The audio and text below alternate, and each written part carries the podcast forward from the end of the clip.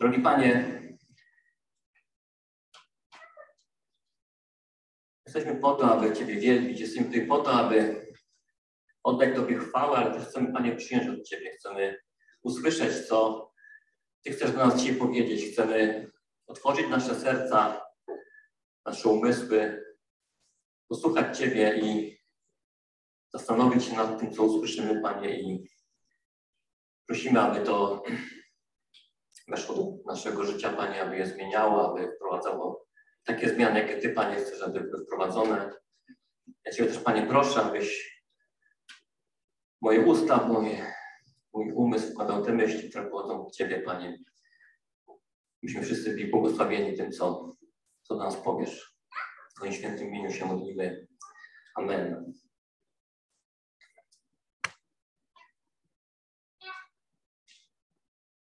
O czym będę dzisiaj mówił? To, to wiąże się w dużej mierze z tym, co się dzieje od jakiegoś czasu. Mam na myśli pandemię. To wiąże się z tym, co, co będzie miało tutaj miejsce za chwilę, czyli z komunią. To wiąże się też z tym, co, o czym Piotr mówił, o czym rozmawialiśmy wczoraj. Z wydarzeniami na Ukrainie, z tym, że chcemy pomóc. My chcemy pomóc i właśnie to słowo my. Już z kilkoma osobami tutaj z Was rozmawiałem o tym i często to mówiłem. I zastanawiałem się, co to znaczy wspólnota, jak powinniśmy to słowo realizować, jak ono powinno być nie słowo, ale wspólnota, w jaki sposób powinna być pomiędzy nami widoczna i co, co powinniśmy robić, żeby móc się nazywać wspólnotą, kościołem, wspólnotą ludzi wierzących. I ten, ten problem, czy ten temat tak podąża za mną od dłuższego czasu i powiem, że jestem zdziwiony. Jestem zdziwiony dlatego, że, że nie wszyscy mnie dobrze znacie, ale myślę, że moja żona to potwierdzi, Esti też. Jestem introwertykiem, typowym introwertykiem i to jest na przykład problem dla mojej żony, bo ona nie rozumie tego, że ja wolę być sam bardzo często i ja nie potrzebuję ludzi wokół siebie. A jednak ten problem za mną chodzi. To, to słowo wspólnota, co to znaczy, pojawia się we mnie, więc domniemam, że jest to coś ważnego, że nieważne, może ja tego nie potrzebuję, to nie jest tak, że ja nie potrzebuję. Może to się objawia inaczej, bo ja się świetnie czuję, że jestem pomiędzy wami. Może gdzieś stoję z boku, może coś robię, coś tam ze sprzętem, ale jestem tutaj. Jestem w tym miejscu i to jest dla mnie cenne. Słyszę wasze głosy, słyszę wasze rozmowy, czasami się włączę, rzadziej się nie włączę, ale jestem i to jest dla mnie bardzo cenne. I od dłuższego czasu myślę, co możemy zrobić, żeby było tego więcej. Bo tak jak mówiliśmy na naszych spotkaniach, ostatnio przez dłuższy czas naszym jednym wspólnym spotkaniem jest to spotkanie dzisiejsze, ale czy to jest wystarczające? Takie jak dzisiaj, niedzielne, ale czy to wystarczy, czy nie powinno być więcej?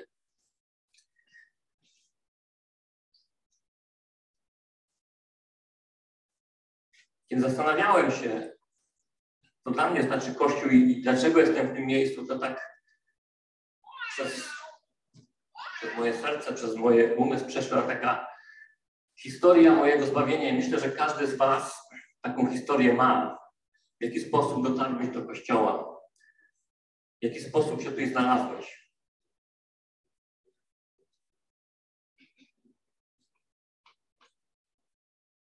Ta historia myślę, że u każdego rozpoczęła się wtedy, kiedy zaczęliśmy się zastanawiać i w naszych sercach pojawiło się pragnienie czegoś więcej, czegoś więcej ponad to, co mieliśmy. może pochodzimy z rodziny, z domu takiego nominalnego, chrześcijańskiego, gdzie sprawuje się pewne obrzędy, że chodzi się do kościoła, ale nie jest to w centrum. Może tak byliśmy wychowani, a w pewnym momencie Bóg się upomniał. Ja myślę, że ja pochodzę z, takiego, z takiej rodziny. Teraz to się zmieniło, teraz moje dzieci są, jestem przekonany, są wierzący, ale kiedy byłem młodym człowiekiem, to raczej to była taka rodzina, ma być porządna, ale Bóg, społeczność z Bogiem, one nie były, przynajmniej ja tego nie widziałem, nie były w centrum. Nie były w centrum tego, co się mówi do dzieci, do, do, do dorastającej młodzieży. Oczywiście regularnie byliśmy w kościele, chodziliśmy na religię, ale, ale to było wszystko. I, I, był taki moment, kiedy Bóg zaczął mówić i do mnie osobiście i, i pytać mnie, co ja o tym myślę, co, czego ja bym chciał i, i chciałem go poznać. Być może pochodzimy z miejsc, gdzie w ogóle się nie mówiło o Bogu, a On nas znalazł. Może przez takie sytuacje, o których mówiła Elaine, spotkaliśmy kogoś, ktoś coś powiedział, zainspirował. Może wydarzyło się w naszym życiu coś przełomowego, coś nas dotknęło, coś usłyszeliśmy, może coś przeżyliśmy ciężkiego i zaczęliśmy się zastanawiać, czy to życie to, to tyle. To my, nasze życie, dobrniemy do końca, dożyjemy 70, 80, 90 lat i to wszystko. I Duch Święty myślę, że się upominał o każdego z nas. Myślę, że każdy z Was to potwierdzi, że Duch Święty się u Was upominał, mówił, zachęcał, abyście dążyli w Jego kierunku, abyście chcieli Go poznać. I ja chciałem dzisiaj też, abyśmy popatrzyli na ten temat wspólnoty poprzez taką szczególną wspólnotę, poprzez uczniów, którzy chodzili z Jezusem. I oni też, każdy z nich przeżył taki moment, moment, kiedy przemówił do nich sam Jezus. Czytamy o tym na przykład w Ewangelii Mateusza. To jest czwarty rozdział, osiemnasty werset. Kolejne czytamy, że przechadzając się wzdłuż jeziora Galilejskiego, Jezus zobaczył dwóch braci. Byli to Szymon zwany Piotr i Andrzej, jego brat. Zarzucali oni sieci, gdyż byli rybakami. Chodźcie za mną, zawołał do nich Jezus, uczynię was rybakami ludzi. Na te słowa bez wahania pozostawili sieci i poszli za nimi. W następnych wersetach czytamy o kolejnych dwóch jeszcze synach Zebedeusza, którzy otrzymali takie same wezwanie i też poszli. Znamy historię celnika, który siedział gdzieś tam tak przy tle Jezus przechodził, powiedział, chodź za mną, on poszedł. Więc każdy z tych ludzi, którzy z nim chodził, w pewnym momencie doświadczył tego, że on go powołał, on go zaprosił, aby poszedł, aby zaczął go poznawać. I ci ludzie chodzili z Jezusem.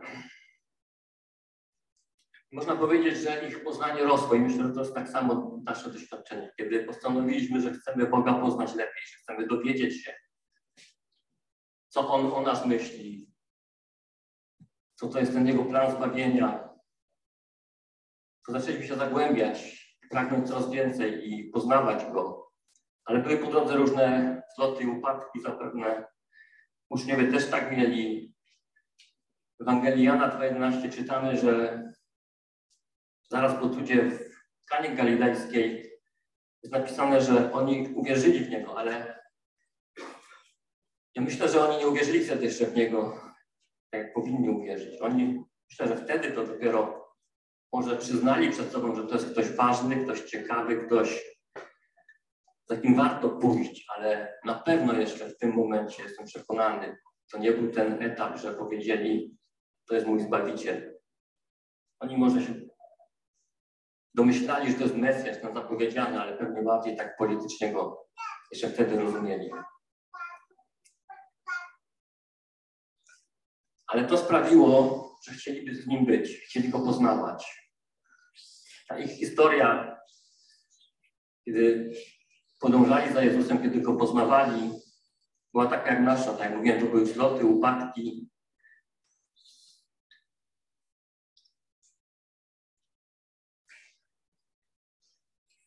Myślałem sobie tutaj na przykład o sytuacji z Szymonem. To jest też Ewangelia Mateusza, 16 rozdział, 15 werset. Wówczas Jezus zapytał, a według was kim jestem? Wtedy Szymon Piotr wyznał, ty jesteś Chrystusem, Synem żywego Boga. W odpowiedzi Jezus zwrócił się do niego, szczęśliwy jesteś Szymonie, synu Jana, bo objawił ci się. To objawił ci to nie człowiek śmiertelny, lecz twój ojciec, który mieszka w niebie.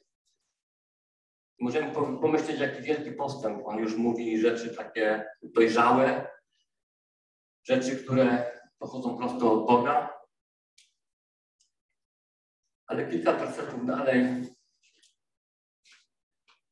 gdy Jezus mówi uczniom, oto rozpoczynam drogę do Jerozolimy i idę tam dlatego, że muszę zostać pojmany, osądzony, pobity, zabity, a potem zmartwychwstanę, to na te słowa Piotr nie jest taki uduchowiony. Wtedy Piotr zaczyna go strofować, bierze go na bok, zaczyna mu tłumaczyć, że to, to nie może tak się skończyć, to nie może tak być. Do tego stopnia te słowa wzburzają Jezusa, że mówi do niego odejdź ode mnie szatanie. Więc widzimy, że ta droga do poznania prawdy była pełna takich zlotów, upadków. Wychodziły słabości, wychodziły tak z każdego z nas, nasze własne przekonania. Mówię o tym dlatego, że mnie to bardzo przypomina drogę moją i myślę, że zgodzicie się, że każdego z nas, że tak Bóg nas prowadził. Uczył nas, pokazywał nam, co jest prawdą. Część rzeczy rozumieliśmy, zgadzaliśmy się ochoczo z tym. Za chwilę mówiliśmy rzeczy całkowicie zaprzeczające temu. Oczywiście możemy powiedzieć, że to nie jest taka dokładnie analogiczna sytuacja, dlatego że teraz żyjemy w czasach Kościoła i to wszystko, co działo się w naszym życiu, to wierzymy, że inspirowane było Duchem Świętym. Ale uczniowie mieli Jezusa na co dzień, więc też słyszeli Jego głos i to, co On mówi. Jest to ważne w kontekście tego, o czym chcę mówić, w kontekście wspólnoty, dlatego że każdy z nas przeszedł tą drogę, doszliśmy do momentu, kiedy zrozumieliśmy, o co chodzi, dlaczego Bóg się o nas upomniał, kiedy zrozumieliśmy, że jesteśmy po prostu grzesznikami, grzesznikami, którzy potrzebują Jego łaski, Jego zbawienia, Jego ratunku, Jego krwi, kiedy przyszliśmy z tym do Niego, kiedy wyznaliśmy to, kiedy przyznaliśmy się przed Nim osobiście, jacy jesteśmy i czego potrzebujemy, On nam to dał, On nas zbawił. I w tym momencie, kiedy stajemy się Jego dziećmi, stajemy się też częścią Jego Kościoła. Kościoła rozumianego tak bardzo szeroko, czyli jesteśmy we wspólnocie tych wszystkich, którzy którzy są Jego dziećmi, którzy, których On zbawił, za których On umarł. Ale potrzebujemy też znaleźć się właśnie w miejscu, w tej małej wspólnocie, która da nam ochronę, która da nam wzrost. I w tym miejscu zaczyna się to pytanie, czym jest ta wspólnota? Jak ona powinna funkcjonować? Czym powinna być dla nas?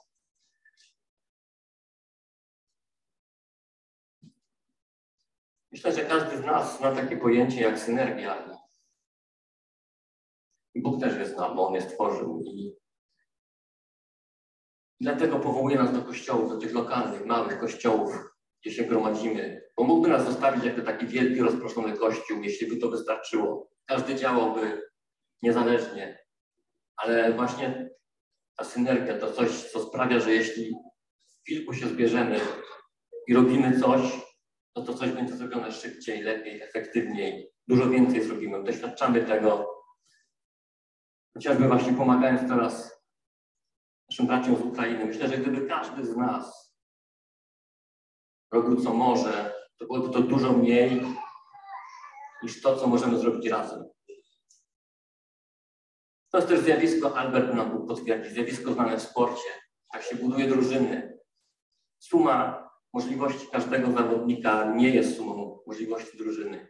Suma, suma możliwości drużyny jest dużo większa, dużo, dużo większą wartością jest. I dlatego Bóg chce, abyśmy tworzyli wspólnoty, tworzyli kościoły, tworzyli te te małe komórki, ale nie tylko po to, żebyśmy wychodzili na zewnątrz i byli błogosławieństwem dla innych, ale one są ochroną dla nas. One są też dla nas. To są miejsca, w których możemy się schronić, to są miejsca, w których mamy braci, siostry. Kiedy coś się w naszym życiu dzieje, to będziemy przez nich ochronieni. Oni pomogą. To, to jest miejsce, w którym jeżeli zbłądzimy, to Bóg może nas karcić, ale w takim w tym porządku Bożym, że przyślę brata, który powie mi, że zrobiłeś coś źle i mogę się upamiętać. To jest miejsce, w którym się spotykamy jako Kościół, słuchamy Jego słowa i On do nas mówi i tego potrzebujemy. I dlaczego to chodzi tak bardzo za mną? Bo pamiętam czasy, kiedy my przyjechaliśmy tutaj do Krakowa, do kościoła, to jest 20 kilka lat temu. I kościoły wyglądały inaczej. Dużo częściej byliśmy razem, dużo więcej czasu spędzaliśmy jako Kościół. Nie było komórek. Nie mieliśmy, większość z nas nie miało samochodów, ale nie było problemem, żeby z dwójką, trójką dzieci, wiele mamy tak robiło, przyjechać dwa razy na nabożeństwo jednego dnia i potem jeszcze w tygodniu na kolejne nabożeństwo, żeby spotkać się na jakiejś innej grupie rozważającej słowo, czy być w szkole biblijnej. Mam wrażenie, że współczesny świat, ta pogoń i właśnie technologia, która się pojawia, okrada nas z tego i coraz mniej jesteśmy razem i dajemy się jej pokonać, dajemy się temu zwieść. Wydaje nam się, że te rzeczy tak są nam przedstawiane, że jeśli będziemy mieli taki czy inny gadżet, to on zaoszczędzi nam mnóstwo czasu. Efekt jest taki, że mamy je i mamy coraz mniej czasu. I nie chcę się na tym zastanawiać, jak to się dzieje, a tak się dzieje, tak, tak to jest zrobione i tak to funkcjonuje i widzimy to, że nie mamy się jak kiedy spotkać. Brakuje nam czasu na, na społeczność. Chciałbym, byśmy myśleli o tym, co możemy z tym zrobić i jak to zmienić.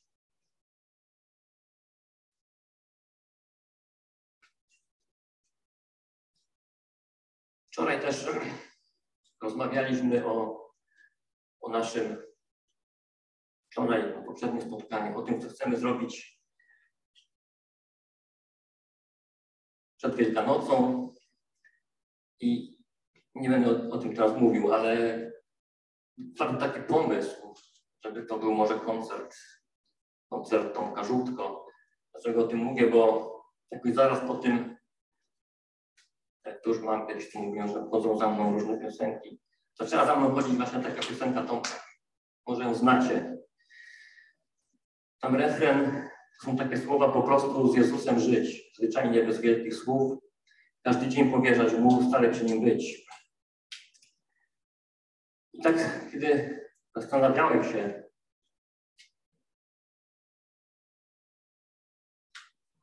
jak to powinno wyglądać, zacząłem myśleć, czy kiedy Jezus chodził z uczniami, czy dawał dużo przykładów, jak budować kościół, jak budować społeczność.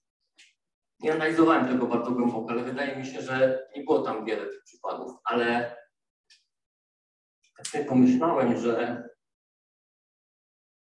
pewne rzeczy czytamy, a pewne rzeczy możemy się domyślić. Oni chodzili razem z Jezusem przez trzy lata. Czy byli z nim tylko wtedy, kiedy on wygłaszał kazanie, kiedy czynił cuda, kiedy działo się coś szczególnego? Ja myślę, że byli razem przez większość tego czasu. My czytamy o pewnych takich punktach, a co jest pomiędzy? A myślę, że pomiędzy było właśnie to, że po prostu byli z Jezusem. Czy myślicie, bo tak się na tym zastanowiłem, co jak to wyglądało? Oni podróżowali, przecież nie mieli samochodów. Pokonywali jakieś odległości pieszo. Przecież musieli odpoczywać, bo byli zmęczeni. Musieli coś zjeść. Musieli odpocząć, gdzieś się przespać. Musieli chociażby po prostu przeprać swoje rzeczy, zadbać o swoją higienę, standardy były wtedy inne, ale na pewno przez trzy lata nie chodzili i nie kąpali się i zmierzam do tego, że oni byli razem w wielu sytuacjach takich codziennych, po prostu w codziennym życiu byli razem. Myślę, że to funkcjonowało tak trochę jak rodzina. Dzięki temu, że byli razem, że, że spędzali czas, że widzieli się w tych normalnych, takich codziennych sytuacjach. Myślę, że poznawali siebie, znali siebie lepiej, znali swoje serca, nabierali do siebie zaufania.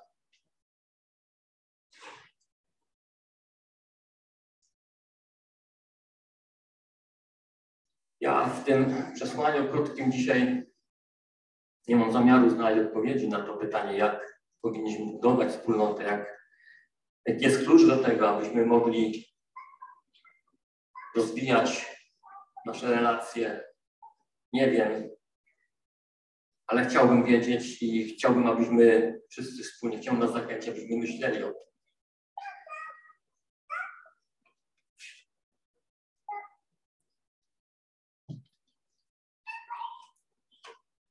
Kiedy powstał już Kościół, czyli w dziejach, zaraz po wysłaniu Ducha Świętego, w Księdze Dziejów w drugim rozdziale czytamy takie słowa, to są wersety od 42. Trwali oni w nauce apostołów, we wspólnocie, razem łamali chleb i nie ustawali w modlitwie. Każda osoba była przejęta lękiem przed Panem, ponieważ za sprawą apostołów działo się wiele cudów i znaków.